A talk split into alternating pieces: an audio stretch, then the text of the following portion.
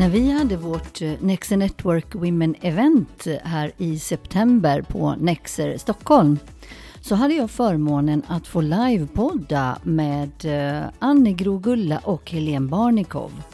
De är nu partners på ett bolag som heter Ascension där de jobbar mycket med marknadsföringsbitar och ledarskap och hjälper bolag med detta. Helene Barnikov är ju en kvinna som nu senast var VD på Microsoft Sverige. Hon har jobbat på Telia bland annat också och många andra bolag. Eh, något som ligger henne väldigt varmt om hjärtat det är ju eh, värdebaserat ledarskap och mångfald, inkludering. Och Annie Gro Gulla hon har jobbat också på många intressanta bolag såsom Coca-Cola och, och Telia. Eh, hon är även författare och jobbar väldigt mycket med just eh, varumärkesbyggnad. Eh, Så att jag hade då förmånen att få prata med henne och alla kvinnorna som var här hade förmånen att lyssna live. Vi pratar just mycket ledarskap, vi pratar drivkrafter. De berättar väldigt mycket om, om, om sin resa och, och lite vad som har tagit dem eh, dit de är idag och deras samarbete, hur de träffades och lite grann på hur de ser på just det här med mångfald och inkludering och, och kvinnor i affärsvärlden. Så det och mycket, mycket mer kommer du att få lyssna på här nu. Så jag hoppas att du kommer att och njuta lika mycket som vi alla gjorde. För det här är två fantastiska kvinnor. Så luta dig tillbaka och njut. Okej, då sätter vi väl igång med den här lilla livepodden. Och tack så jättemycket till er båda till att börja med att ni ville göra det här med mig. Så det livepodd, jag har gjort det en gång tidigare och det var faktiskt med dig Annegro. Ja, det huskar jag gott. Ja. På ett annat kvinnligt event och det gick ju bra, så det här ska väl också gå bra. Ja, okej, okay. då tänker väl alla så här, ja, vad är det för bolag nu som ni eh, vill ni bara kort berätta om själva bolaget som ni faktiskt är partners i? Jag tycker vi kan börja där. Ja, alltså vårt bolag heter Ascension och det betyder att stiga upp mot himlen. Eh, och det namnet kom vi på på Kristi himmelfart. Ja.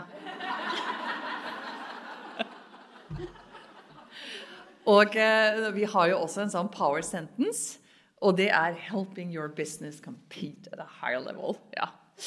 Eh, og da er vi rådgivere. Det er det vi gjør. Vi hjelper til i alt fra lederskap, marknadsföring, transformation. Mm. Spännande. Och det, det, är faktiskt lite roligt också hur ert partnerskap kom till. Det, det gillar vi nog allihopa att höra, så det, det kan ni snälla få berätta om. om, mitt och, om mitt och Anne Gros partnerskap? Ja. ja. Ska vi berätta om det? För det här bolaget. Det är kanske en del som har hört det här innan tycker det här är uttråkigt. Men um, det, det, vår relation då, som sen har lett in i det här bolaget också, började med att uh, jag rekryterade Anne Gro 2014. Uh, och då var jag själv rekryterad uh, ganska nyligen till, till Telia och um, satt i Boston och eh, skulle intervjua uh, smarta kandidater till uh, olika positioner som jag skulle utse personer till. Bland annat uh, en varumärkesansvarig för gruppen på Telia. Och um, jag tror jag vet vad du vill höra Susanna. Och då, då, um, då så satt jag med HR och en, en stor rekryteringsbyrå i Stockholm, jag ska inte nämna namnet här, som presenterade en eh, shortlist med fem personer och fem svenska män. Av väldigt vit manlig bakgrund. Uh, och då så sa jag så här att uh, det här är inte möjligt, att det här är de fem bästa kandidaterna på en, en um, varumärkesposition i, där jag, vill, jag hade bett om nordisk kunskap uh, av marknaderna. Det är inte möjligt. De sa jo det här är de absolut fem bästa, vi kan vår marknad och vi hade en ganska eh, heated diskussion och eh, till slut så fick jag övertyga dem om att jag kommer inte intervjua någon förrän den där, den där shortlisten ser annorlunda ut. Så då gick de tillbaka och kom tillbaka med en ny shortlist och då var det tre kvinnor på shortlisten och två av männen var kvar. Eh, och vi var en hel pool som intervjuade de här personerna och kom överens om att, ehm, att två av de bästa kandidaterna var ju faktiskt kvinnor och den allra bästa kandidaten var Anne Gro. Ja.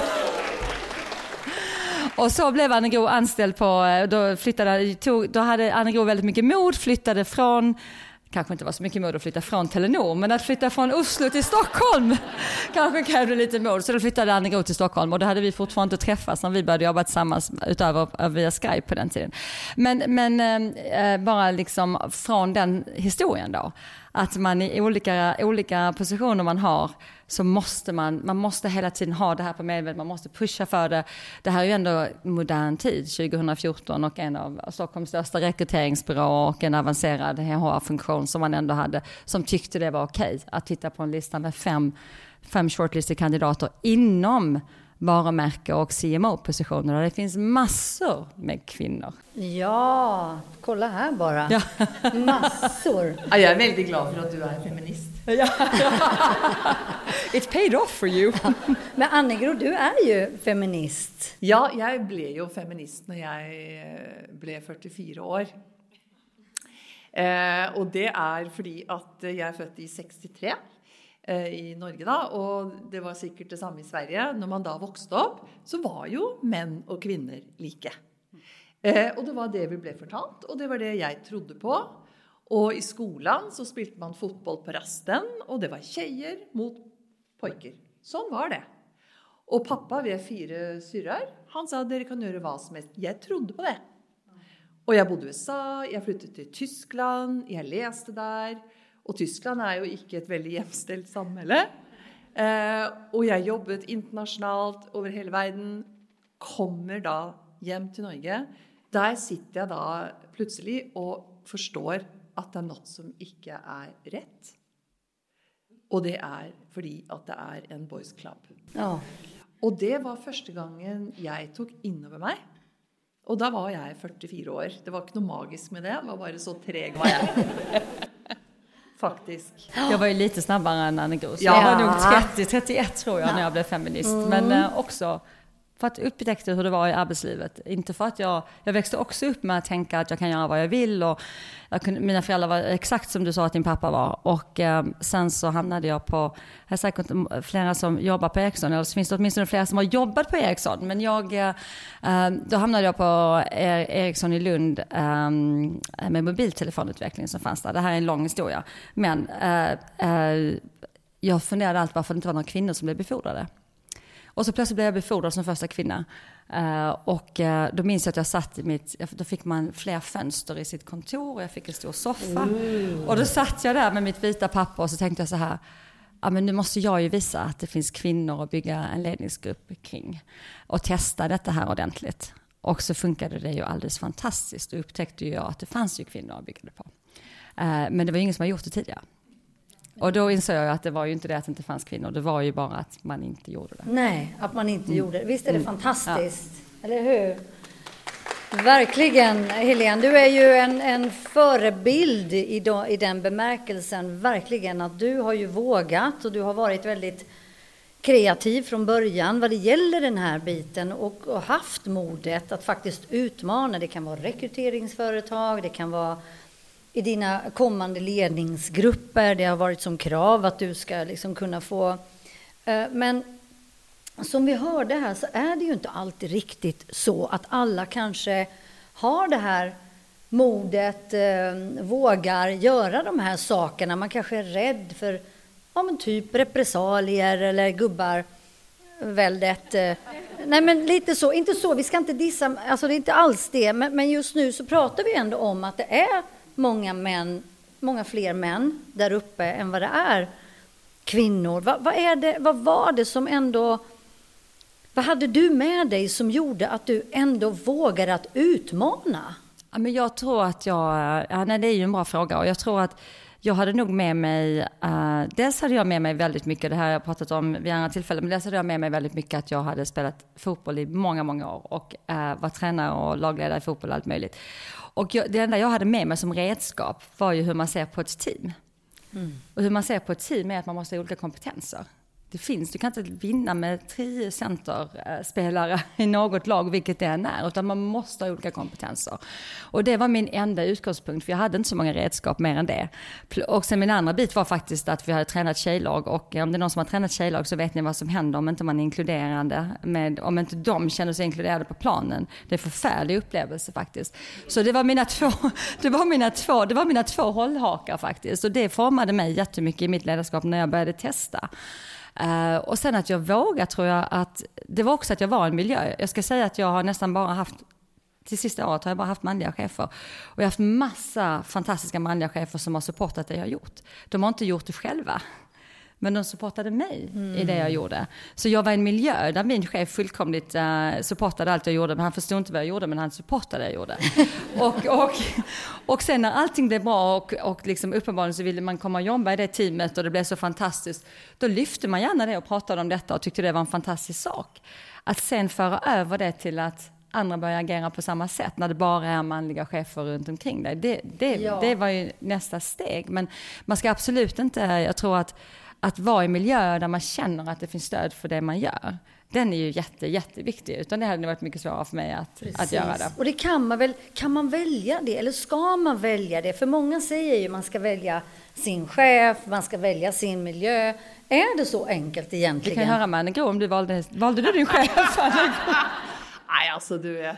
Ja, det var faktiskt precis det jag gjorde. Uh, Fordi at eh, det å gi, gå fra til konkurrenten var jo faktisk emosjonelt litt svårt. Eh, men eh, å få lov til å gjøre et brand ut av Telia var ganske kul, og jobbe med deg.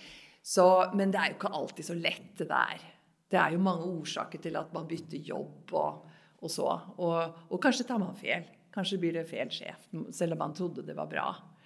Men at sjefen er viktig, ja, det er det ingen tvil om. Det är det. Vet du, jag har ju hört någonting nu på senare tid som jag tycker är superspännande, som jag tycker fler skulle göra. Jag vet inte om ni håller med mig. Men det är att faktiskt få lov att själv som den som ska bli inrekryterad få intervjua sin eventuellt blivande chef. Det kan väl vara någonting att anamma, ni som rekryterar. Hur låter det? Mm. Eller hur? Ja, verkligen. För då, då, ja, mm. Precis, precis. Nej, men, och sen också någonting som vi pratade ganska mycket om när vi hade vårt... Jag brukar alltid ha ett litet kort samtal med alla mina blivande poddare och det har även vi haft. Och då pratade vi faktiskt om något spännande som jag tycker, det har jag tagit med mig också, att ni vill ha impact. Alltså ni har velat ha impact under eran karriär kan man säga. Och att det inte ska bara vara att jag vill bli VD eller jag vill bli det, jag vill bli det. Utan om man går in med att jag vill kunna påverka, då lyckas man också bättre. Kan ni utveckla det lite grann? För det tyckte jag var så spännande att höra. Ja, men jag tror det, jag tror, det tror jag verkligen och eh, jag kan börja, så kan bygga på Anne men jag tror att Um, jag har jobbat, om man börjar liksom från kanske en enklare del än att, att, att göra det till stor impact så började jag väldigt mycket med den här kundbesattheten som en del av som sitter här har fått lida sig igenom min kundbesatthetsdiskussion. Men, men, och det handlar väldigt mycket om att alla vi som jobbar i organisationer, vare sig man jobbar i en offentlig eller en privat organisation, vi är ju till för en anledning. Vi är till för att göra någonting bättre för någon annan, vare sig det är en kund eller en medborgare eller en patient eller vad det än är för någonting. Och driver man sin, sin egen tanke på det sättet, och sin egen organisation, då blir svaren oftast helt annorlunda än om du driver din egen organisation för att det är ditt eget jobb och din egen befordran och din egen process och din egen budget och hur många anställda du har. Det blir helt andra svar på frågorna. Och den andra sidan med det är ju också att du kan finna en helt annan trygghet i det du gör. Eh, och inte tänka så mycket på att du ska få fler anställda och den har fått fler i, den, i det jobbet och så vidare. Utan, utan faktiskt känna att dina KPI och det du ska verkligen mäta och hålla dig ansvarig för är den här impacten. Och för mig började det med kunder. Mm. Och sen när man kommer in i större ledarskapsplattformar så är det ju en av sakerna som är så roligt med ledarskap, som gör att jag brinner för det, det är att det är ju en plattform för att ha impact. Och jag har ju använt den mycket för mångfaldhet och inkluderingen och, och försöka ha en impact i de, i de städer och samhällen jag har bott i för att jag har kunnat använda den.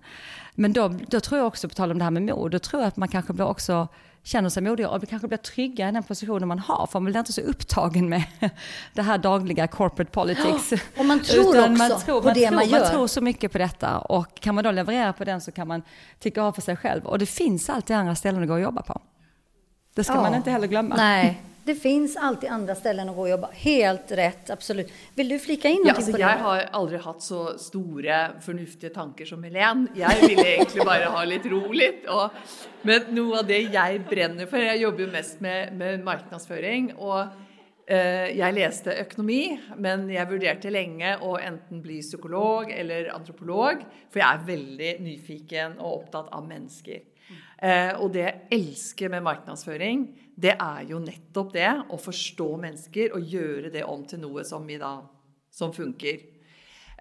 Och eh, en annan passion jag har, det är ju att med kreativitet in i business. Och jag har också jobbat i, i kreativ eh, byrå. Så det har ju varit, när det gäller impact, och jag kommer ihåg en gång jag stod i, och duschade i Gurgao i Indien och så hade vi precis gjort en jättestor kampanj och så var den akkurat då på CNN. Alltså då började jag gråta av glädje. Så det är kanske inte så stora tankar, men alltså gud så glad jag blir. Ja, ja underbart. Men att ändå få påverka och det är också en del, än en gång, varför vi också sitter här. För det är ju inte för sakens skull bara att vi ska bränna av några timmar, utan vi vill ju också att det vi gör ska förhoppningsvis kunna påverka på ett ett positivt sätt att inspirera och motivera. Så det är ju superviktigt. En annan sak som jag behöver ta, säga, som jag tycker är också lite spännande, som jag vill höra mer om. Ledarskap är kon kontextuellt. Det, det vill jag höra mer om. Kontextuellt. Kan jag få börja nu? Jag blev, jag blev ledare i något som heter Scandinavian Design Group när jag var 36. Och då hade jag jobbat i Unilever och Coca-Cola och du vet, big corporates. Eh, och riktigt var Scandinavian Design Group en del av McCann, så det var big, men en byrå är aldrig big.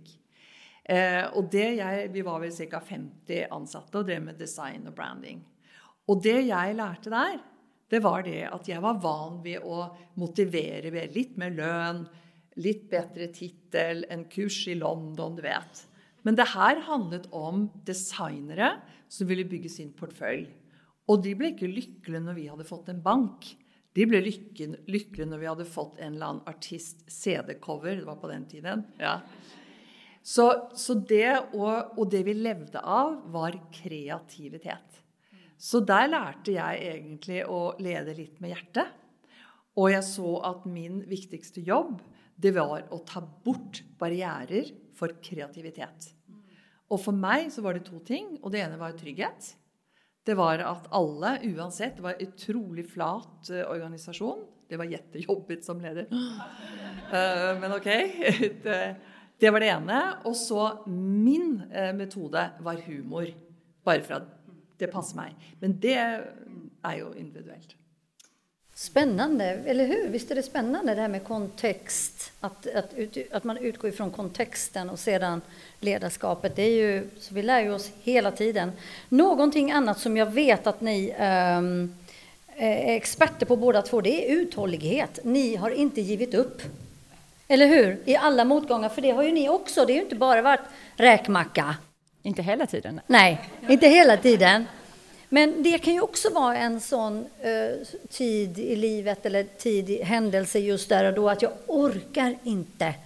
Vad är det som ska få mig att slå det här huvudet igen eh, och igen och igen in? För det har ni ju fått göra ibland. Den här styrkan. Ja, men ja, ja din var kanske bara att ha roligt, min var nog att jag trodde på att, nej men jag, jag, det som gjorde, de gångerna jag verkligen inte gav upp, jag tänkte att nu är jag, jag ifrågasatte min egen klokhet när jag inte gav upp, um, så var det nog att um, Uh, att jag kände att det verkligen var värt det. Alltså det var så mycket som jag kände fortfarande att, och det kan ha varit olika anledningar. Jag, uh, jag jobbade åtta år för Sony Ericsson och hade japanska chefer i Uh, sju av de åren. Uh, och var ofta ensam kvinna i ett rum med 50 personer. Och uh, japaner hade aldrig jobbat med en kvinna som inte var assistent och hämtade kopp te varje, varje timme. Um, och, och, och, där finns många, många sådana moment när jag tänkte att men nu ska jag liksom, är det dags nu och jobba för någon annan. Och, och varje gång så var det nog så att jag bara kände, att det är värt det. Ja. Och, då, och, och, då var det värt det av olika anledningar. Dels att jag trodde så mycket på det bolaget, äh, verkligen. Dels att jag hade världens grymma, vi hade byggt en fantastisk kultur i bolaget, vilket ju betyder väldigt mycket för mig. Plus att jag ju kände det här, kommer tillbaka till det vi pratade om, jag kände ju att jag att jag verkligen ändrade någonting som var, alltså som det liksom, ja, det påverkade. Ja, verkligen påverkade. Och att de sakerna hade inte hänt om inte jag hade fortsatt stångas. Uh, och sen att man orkar gör ju, är ju mycket det som, som jag vet att du brinner för Susanna, det är ju att man, har, att man har nätverk runt omkring sig och att man har både ledare och kollegor och externa nätverk som bara står där och säger att släpp inte, ja. fortsätt. Ja. Och, och som man kan bolla med och som man kan gråta lite hos och som man kan bli peppad hos och, uh, och så vidare. Så det, det, gör ju att man, um, men, men det finns, jag tror också att uh, Uh, speciellt kanske när man är yngre så tror jag man ska, man ska liksom ge sig själv tid för reflektion och tänka efter när går den gränsen, när jag inte ska stångas längre. Uh, för det är inte så att man ska stångas i all evighet i alla kontexter. Nej. Det finns i, i, kanske en gräns när man känner att Nej, men nu, nu har jag gjort alla de här sakerna. Och nu är det inte här, det här är inte rätt för mig, det är inte bra för mig. Jag kanske inte ens kan komma längre. För det kommer inte gå längre nu. Och då ska man också vara, ha en realism i det tror jag. Men, men jag tror att alltså, man ska inte släppa taget för snabbt. Såvida inte det finns något riktigt negativt. Nej. Och sen finns det ju ofta andra vägar att ta. Man kanske bara kör samma väg som man trodde var den bästa. Och man kör, man kör. Men att man också vidgar sina vyer, blir lite mer kreativ Ehm, kanske gör saker på lite annat sätt och helt plötsligt så händer det. Men det har ju mot att gå. Och jag startade som trainee i Unilever i Stockholm faktiskt eh, och flyttade till Hamburg. Eh, och så är min son född i Hamburg och jag förstod att här kunde jag inte vara karriärkvinna. Eh, och fick en jobb i Coca-Cola och sa upp mig. Og noe av det jeg syns var det svåreste, for da hadde jeg vært syv år i Unilever, og det var jo så, og det var et helt fantastisk sted å, å begynne. Og så fins det jo masse regler. Man får en sånn Det var bra å få. Og så var det det stjerne. Det var veldig bra å få, for da kom man på en kurs, eller da fikk man noen bonus. Det var et system.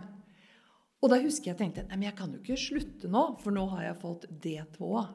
Eller och det kommer jag ihåg, i Norge så går man på söndagsskolan, det är väldigt kristligt, eh, när man var liten varje söndag. Och då hade man ett litet kort med en fisker. Och varje gång man var på söndagsskolan så fick man en liten guldfisk som man klistrat in. Och då kände jag, det här är ju som mina guldfiskar. Alltså, get real. Så man måste ju liksom se lite kontext, inte sant? Man kan bli väldigt sån tänker att det finns bara det här bolaget, det finns bara de här reglerna och det är inte så. Nej. Nej, det är helt otroligt. Och sen också om vi går tillbaka lite till det här med modet då, för det är ju jag brinner ju mycket för mod. Jag tycker vi ska vara mycket mer modiga än vad vi många gånger är. Men en annan sak som vi pratade om, som jag också tycker jag tar till mig så mycket från det där samtalet, och jag hoppas vi kan få med ganska mycket av det här också. Allt är, är inte livsavgörande, för att om man tänker så, så vågar man inte. Är inte den bra? Den har tjejerna sagt till mig. Säkert Helene. Ja. Men eller hur, så det är också... Man ska, mm. ja, nej, men det tror jag verkligen. Jag tror det handlar också om det här kontextuella och eh, att inte... Och jag tror, och nu, nu generaliserar jag, men jag tror, jag har jobbat med många kvinnor och många män eh, i Eh, i olika företag och ehm, jag tror att eh, olika befattningar, men om jag då liksom gör den generaliseringen som jag egentligen inte ska göra, så tror jag att kvinnor tenderar att göra det mer till ett livsavgörande moment än vad männen gör. Och det tror jag också har att göra med att vi vet att vi bedöms hela tiden på ett helt annat sätt. Och då tror jag generaliserar jag. Men, mm. men medan männen, ja men missar man en så kan man köra nästa och då provar jag den och så finns det någon annan som kommer plocka upp den där. Medan många kvinnor känner att Åh, nu har jag äntligen blivit insläppt i rummet. Nu ska ingen komma på mig att jag inte kan alla de här sakerna. och då blir varje situation och varje sak blir så stort och så avgörande. Och så är det ju egentligen inte. Eh, det är ju en, en följd av väldigt många olika eh, beslut, eh, agerande, situationer och kontexter som gör att det sen på något sätt, jag tror, man, jag tror att man, och där kan det också vara, det kan också vara bra att, att omge sig med lite sponsorer, mentorer, ehm, bollplank och så vidare som kan, kan ge lite, vara en liten spegel på de där sakerna. Att ja, men det där var ju inte hela världen. Får jag, får jag lov att svära? Ja. ja. Då, då, det här är ju en podd. Nej, men en av, eh, mitt första jobb då på eh, Ericsson mobiltelefon, och jag var verkligen ung tjej och jag stångades med massa olika saker som vi kan prata vid någon annan gång. Men, men då var där en, en äldre man i, som satt i Asien, eh, Singapore, jag jobbade ute ganska länge. Och han tog sig med under mina vingar helt informellt. Och hans, han, vad han sa till mig, eh, en av mina första möten med honom har alltid kommit med, då sa han så att mig, ta inte allt så jävla personligt, för det gör inga killar. Oh. Och det var så otroligt, det, så, det har alltid funnits med mig och det här är nu extremt länge sedan. Uh, för att jag var liksom helt uppe i allting och jag skulle vara duktig på allting och göra allting och varje beslut var så stor grej för mig. Det var ju inte så, och jag var den enda tjejen, det var ju inte det för någon Nej. annan. Så pressen jag satte på mig själv. Ja, men var... är det så att vi själva skapar spöken som inte finns ibland? Eller är det legitimt att jag ska få, få känna så? Eller hur? För det, det är också sånt man kan jag tror att när man är annorlunda och syns mer, så tror jag man må göra mer. Jag tror, jag tror faktiskt det. Det tror jag inte man kommer utenom. Mm. Um, men att det betyder att det är hela världen. Men det är klart att om du kommer från ett land och du jobbar där och du, allt är tryggt så har du så många arenor. När du är utlänning, eh, som jag har varit i flesteparten av åren, ja, så har du inte de samma arenorna. Det är inte så många steder att falla mykt. Så, men det betyder inte att det är hela världen. Men det är helt klart tuffare. Ja, jo, så är det. Jag vet ju själv, jag är också utlänning och, och har fått mina skopor också, som vi har pratat om i poddarna. Men, men det är bara, man måste på något sätt ändå resa sig upp och, och veta vad man egentligen är, också vem jag är och vad jag är värd. Vi är ju värda faktiskt att sträcka på oss, tycker jag, mer. Eh, en annan grej också som jag tyckte var lite spännande, det var det här med att eh, man måste bli sina värderingar. Man måste bli sina... Titta, vi skulle kunna ha massvis med sådana här eh, hashtags. Man måste bli sina... Nej då, men eller hur? Det är väldigt klokt. Man må, vad innebär det att man måste bli sina värderingar? Nej, där begynner du. Du. Nej, men jag, jag, ja, men jag brinner verkligen för, och det här är också någonting som väl har växt fram, um, att uh, Alltså jag tror att det finns ju hur många företag som helst och kanske någon av er känner att ni jobbar för någon av dem eh, som har väldigt många värderingar på, eh, som står någonstans eh, och som där man inte, när man tittar på sina ledare, faktiskt lever de värderingarna. Eh, och eh, jag tror att eh, ledarskapet framförallt handlar om att göra handlar mycket mer om att göra än att prata. Sen pratar vi en massa för vi måste kommunicera och lyssna och så, men, men egentligen handlar ledarskapet, det man bedöms på, det som jag tror alla medarbetare värderar på, det är faktiskt vad man gör för någonting. Och om det man gör då reflekterar de värderingar man påstår att man lever efter. Och det ultimata testet på det, det är ju när, det är, när man har mycket motvind och det är svårt. Då testas alla ledare på om de verkligen är värderingsdrivna. Och kan man inte leva i dem, kan man inte leva med det, när det verkligen är press och kvartals, eh, kvartalsrapporten ser inte bra ut och lågkonjunkturen står inför dörren och någonting annat händer. Det betyder inte att man inte kan fatta svåra beslut, men man kan göra det baserat på sina värderingar. Uh, och då blir man på något sätt, och jag, jag, tror, jag tror så här att autentismen är så viktig, att om man inte tror på de värderingarna som ledare så ska man inte säga dem. Säg att du är här på det här företaget, för det är det bästa stället du är på för att göra karriär och ha en bra lön. Säg det om det är det det handlar om. Försök inte säga någonting annat. För det, alla kommer känna det och det kommer man tro ja. på det. Trovärdighet. Lars Mennebeck som sa en sång som heter Stackar. Han var så nöjd med sin lön så han glömde sitt jobb. ja, och det är väl inte helt ovanligt heller. Men eh, det är ju tråkigt att det ska vara så. Jag tycker det, det jag tar med mig allra, allra mest det är det här med att um, våga, så som vi har sagt det här med våga kunna påverka, att det är en, en drivkraft, eller vad ska man säga, att få oss att faktiskt göra bra. Göra rätt och göra bra. Och då blir det oftast resultat också. Men om det blir dina värderingar nå till det. Eh, ja, det är inte hela livet. Och samtidigt så är jobben så otroligt stor del av ja. nettopp mm. livet. Mm. Och livet är inte evigt. Så det att vara på ett ställe där man inte är rätt, det må dere inte göra. För det är livsfarligt. Och det betyder inte att man ska ge upp, men det är att kasta bort livet. Och detta brinner jag för. Så det är att, att vara modig. När man, när man känner att det är fel, då må man göra något annat. Ja, eller försöka påverka ja, ja. sin situation där man är också. Det finns ju den möjligheten också, men i alla fall att man gör något. Mm. Eller hur? Okej, nu har vi pratat i en halvtimme, ungefär så länge som vi har tänkt att prata. Eh, är det någonting mer än det som vi har nämnt här nu, tjejer, som ni skulle vilja skicka med de här fantastiska kvinnorna, bara utifrån er erfarenhet och relatera till mod och... Ja, ja, det är en ting som jag tänkte på när vi snackat om mot tidigare idag, stackars poddlyssnare. Ehm, så snakket vi om mangfold och mot. Och jag satt och tänkte, varför gör vi det? Mångfald är ju nyfikenhet. Så vad hände egentligen med nyfikenhet? Eh, och när vi växte upp så var det ju inte något internet eller en, oh, mig, ja. Eh, och eh, jag är väldigt drevet av nyfikenhet och resa och alla de tingene och nya kulturer. Eh, och något av det morsomste man vet i New York är ju Chinatown och Little Italy så vidare. Och det att, om jag är i ett rum med många nationaliteter, då känner jag mig hemma. Och jag syns det är en fallitterkläring, eller väldigt, väldigt trist, att vi snackar om mångfald och mot i samhället. Mm, ja. Och inte om nyfikenhet. Ja, bra, bra, absolut. Men jag, jag skulle vilja dela en tanke som jag har som, som jag tror har format mig ganska mycket. För att precis som Annegro så bodde jag jättemycket utomlands och um, uh, jobbade i IT, IT-världen och uh, brukar, brukar säga, sammanfatta det så här att jag var en minoritet men en extremt privilegierad minoritet. För jag hade rätt hudfärg, jag hade rätt dialekt på engelskan, rätt pass och rätt massa rätt saker. Mm. Men jag var den enda kvinnan, var den enda som inte hade gått på någon fancy Ivy League-skola, var den enda som inte pratade engelska native och så vidare och så vidare.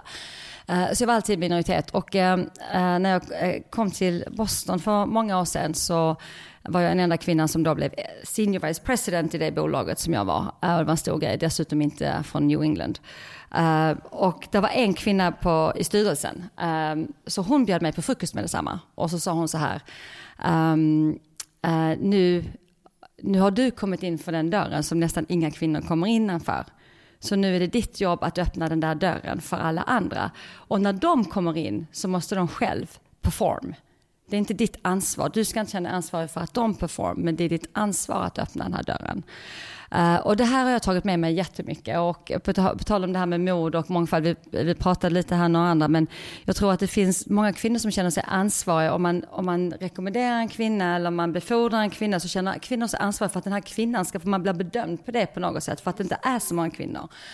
Uh, och den måste, vi, den måste vi få bort ur systemet, annars, annars kommer mod att störa den här naturliga nyfikenheten kring mångfald när det gäller företagsvärlden.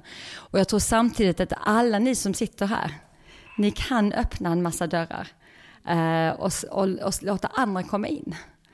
Uh, och det kommer inte ta från no er någonting utan det kommer, att, det kommer bara att berika och göra hela det här nätverket större, skapa nya jobbkontakter, affärskontakter och annat. När jag kom till Stockholm så kände jag nästan ingen. Eh, I början så var det ingen som ville lära känna mig heller och sen så småningom när någon vet vem jag är så får man massa inbjudan till olika ställen. Eh, och i början så var det så här, de, de får liksom nära kollegor jag hade och så där tänkte jag, då tog jag med samma, samma nära kollegor på varje, varje, uh, varje man fick så här plus en. Och sen så kom jag på det här liksom att, nej men det är inte det jag ska göra jag ska ju ta med en plus en som inte får en inbjudan själv. någon som inte kommer in i de här rummen med de här exex och fancy ställen och så vidare. För om jag gör det så börjar jag just då börjar ju andra träffa varandra och då börjar ju någonting växa. Så jag tror att ta ens egen roll på det med att öppna dörrar, ta med folk som inte kommer med i vanliga fall kanske, eller som inte har en inbjudan och tänka på hur man blir en katalysator för att, för att öka den möjligheten. Där tror jag vi har en jättekraft i våra olika ledarroller.